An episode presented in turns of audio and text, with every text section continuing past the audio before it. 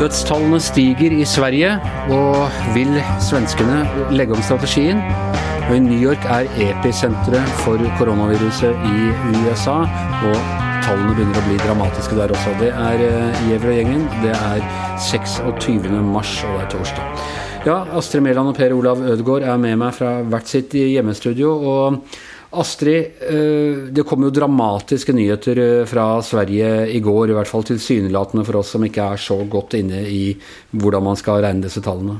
Ja, det er særlig i Stockholm at eh, de er hardt ramma av korona. og Det kom melding om at ytterligere 18 mennesker har dødd i Stockholm på ett døgn. Det var helsedirektøren Bjørn Eriksson i Stockholm som sa det på en pressekonferanse, samtidig som de nasjonale folkehelsemyndighetene med smitteverneksperten, eller han som leda kampen mot eh, korona, han Anders Tegnell, ha en annen pressekonferanse der han sa at eh, alt er under kontroll. Vi er godt rusta i Sverige, og jeg ser at i svenske medier nå, i Aftonbladet var det en eh, kommentator som skrev at vi nå får to forskjellige meldinger her om at det er stabilt og kontroll, mens helsedirektøren i Stockholm sier at det er eh, høyeste kriseberedskap. De snakka om at de må ta i bruk ishockeystadion stadion til eh, ja, rett og slett eh, um, lik. Eh, som de forbereder. Og det virker som det er to forskjellige eh, virkelighetsoppfatninger. Rent politisk, hvor lenge kan Sverige følge en sånn kurs med eh, stigende smitte, og eller de, de tester jo tester jo ikke på samme måten, så de har, de har lavere testtall. Men, men, med stigende dødstall før det blir et politisk press fra bunnen om å legge om strategien. Jeg oppfatter vel allerede i forrige uke at det ble et politisk press, selv om, eh, som vi gjentar hele tida, er fagekspertisen mye sterkere i Sverige, og de bestemmer mye mer enn eh, i Norge. Men eh, Stefan Löfven, statsministeren, fikk jo stengt skolene i forrige uke, altså de som er mm, fra videregående oppover. Altså en oppmodning til at de skal stenge, det er jo det minste. Um, og det var vel kanskje litt uh, til, tross for folkehelsemyndighetens ønske, så vidt jeg oppfatta det. Og det kommer jo til å komme mer press nå, selvfølgelig, på å ta mer um, grep. De uh, driver jo fortsatt med forsamlinger opp under eh, Altså det er 500 som er grensa, mens vi driver og snakker om at eh, fem stykker som skal møtes eh, utendørs, det er maks. Mens i Sverige så er det lov med 500. Men det, har jeg forstått denne modellen riktig hvis det er sånn at eh, hvis den funker, ja så vil en god del bli syke og dø ganske tidlig i løpet.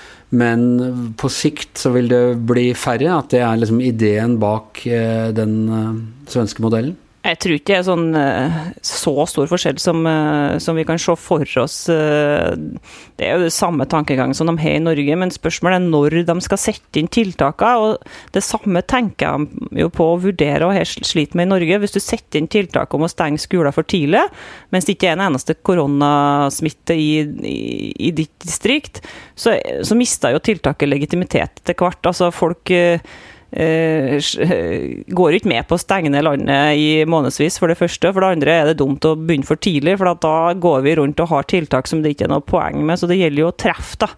Eh, det kan jo godt hende at planen i Sverige er å oppskalere tiltaket etter hvert som epidemien brer om seg. Så er jo alltid diskusjonen kan det være som traffer, da, om det er Norge eller Sverige eller noen andre. Det får vi vel først vite etterpå. Men vi så jo at eh, England prøvde en lignende, eller de, de ventet i hvert fall i det lengste med eh, å sette inn dramatiske tiltak, og så måtte de bli enda mer dramatiske når de, når de først eh, satte inn tiltakene. Er ikke det en fare for at det er akkurat det som vil skje med svenskene også? Jo, det kan jo godt hende det. At de har hatt en ukontrollert smitte i befolkninga som er mye større enn de først trodde. Virka jo litt sånn på på når vi begynner å se tilbake nå for en måned siden, hva folkehelsemyndighetene i Norge sa òg, eh, så trodde de jo det var mye mindre eh, problem eh, skulle bli til påske enn det er nå i dag. Og det kan jo hende at Sverige òg kommer fram til. De, de vet jo ikke, de, de tester jo mye, mye mindre folk enn Norge òg. Vi har vel testa ja, det, det, er godt over 70 000 nå. og de har testa langt færre, så de har jo mye mindre oversikt over over hvor, mange, hvor, hvor, alvorlig og hvor utbredt koronaen er i samfunnet. Da. Men de, de, har vel fram til nå tenkt at det ikke var så utbredt, og at de kan vente i det lengste med å innføre strenge tiltak. Og det er jo egentlig det er jo, det er jo planen òg, at man skal vente til man må. Så er spørsmålet kan det være som traff da. Og, jeg tror egentlig at i England også er målet fortsatt det samme. Det er jo flokkimmunitet som det snakkes om, men, men spørsmålet er om det skal oppnås ved vaksine, eller at folk smittes. Og så er spørsmålet òg igjen, hvis det skal velges at den strategien med at folk skal smittes, hvor fort skal det skje? Det er jo kapasiteten i helsevesenet som er poenget her. Hvis det folk dør pga. at de ikke får behandling, så har vi mislykkes. Ja, og det er altså da eh, omtrent alle land i Europa. Eh, et par land kom sent ut, da særlig Italia og Spania. Det har ikke gått bra. Øh, så har de fleste andre land truffet veldig dramatiske tiltak som har fått økonomien til å tanke, eller noe sånt. Og så har du Sverige, som går sin helt egen vei. Eh, er det fordi svenskene er, eh, eller svenske helsemyndigheter er smartere, eller er det fordi de ikke er smarte nok? Det er liksom det store spørsmålet her. Ikke sant, og det er jo noen som har et godt poeng, kanskje, med at de skriver at Sverige ikke har opplevd eh, de store, helt store krisene. Andre verdenskrig var annerledes for dem enn for oss. Og når du ser til Finland, eh, nabolandet igjen, så har de jo kjempestore medisinlager. De har stengt Helsinki, helt andre reaksjoner der. Og de har i hvert fall opplevd krise på krise og er godt eh, vant med vanskelige situasjoner i Finland. Så du kan jo tenke deg at det er en kulturell forskjell òg, jeg vet ikke. Og det er jo åpenbart, altså, Dette er litt som jeg vet ikke om de tingene henger sammen i det hele tatt. Men det er litt som i type innvandring- og integreringsdebatten.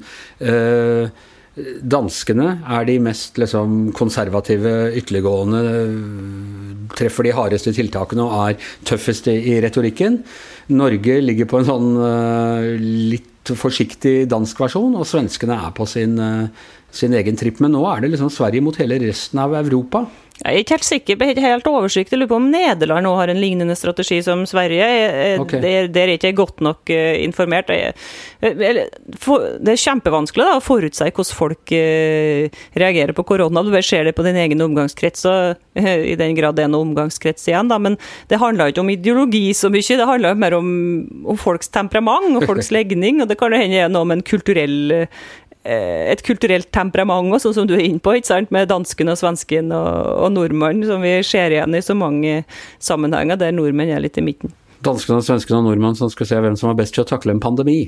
Nei, men øh, jeg var på Jeg vet ikke med Nederland, jeg bare vet at jeg var på vei til Amsterdam egentlig den uka da Eh, alt, eh, da alt skjedde. Og noe av grunnen som fikk meg til å avlyse den turen, var at jeg så bilde av noen sånne konteinerbur på Schiphol, hvor de satte folk i karantene hvis det var mistanke om smitte. Så jeg har ikke inntrykk av at det er helt sånn eh, Woodstock der heller, altså. Nei, jeg vet ikke. Det er et land i Europa som har lignende strategi som Sverige, men jeg kan ikke, husker ikke hvilket det er i farten. Det her må vi rett og slett lese oss opp på, Anders.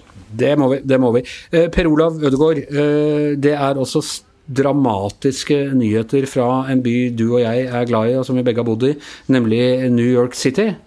Eh, det var hvor mange var det 16 dødsfall på ett sykehus i Queens eh, i løpet av et døgn.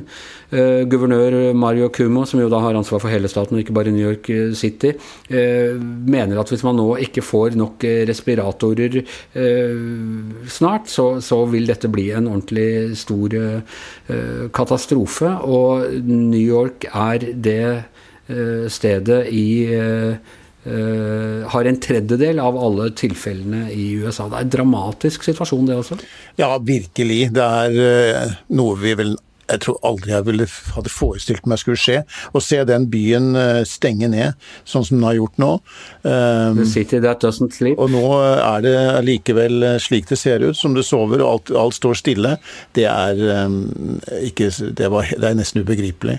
Um, ja, det er, jo, det er, jo, 20 000 da, vel i New York, tror jeg, som nå har testet positivt. De har vært ganske offensive på testingen i New York, i motsetning til andre deler av USA. Så de har kanskje noe bedre oversikt enn andre.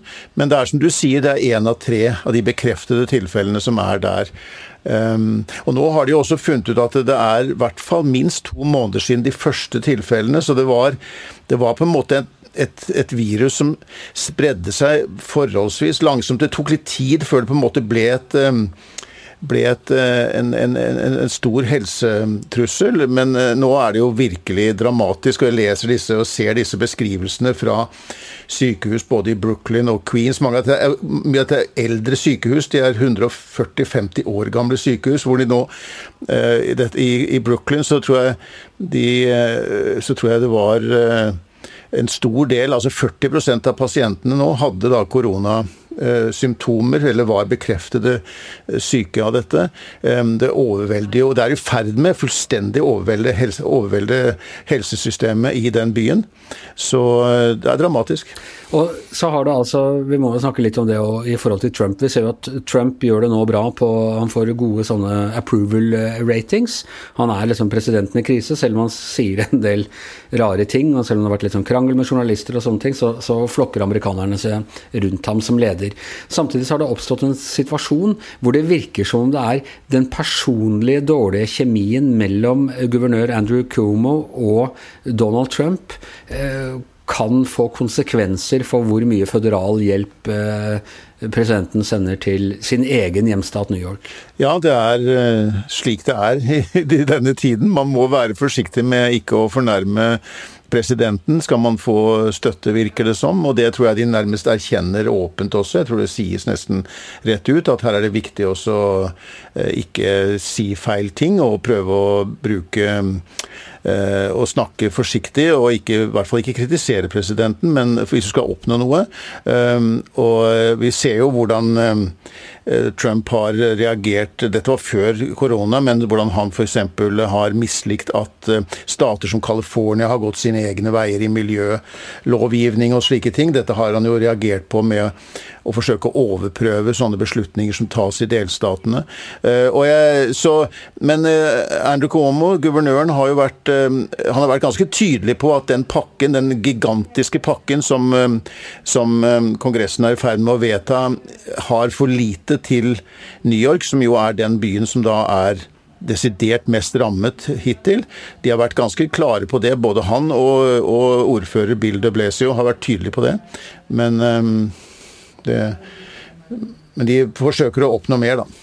Og uh, Det er jo også en annen uh, interessant aspekt ved det, og det er at uh, New York er jo ikke noen populær by rundt omkring i USA. Det er litt sånn, sånn som alle disse distriktspopulistene holder på med, at, med Oslo. ikke sant? Alle der sitter i Ja, det kommer ikke noe godt ut av Oslo, det er ikke der verdiene skapes og sånne ting. Sånn holder man på med New York også.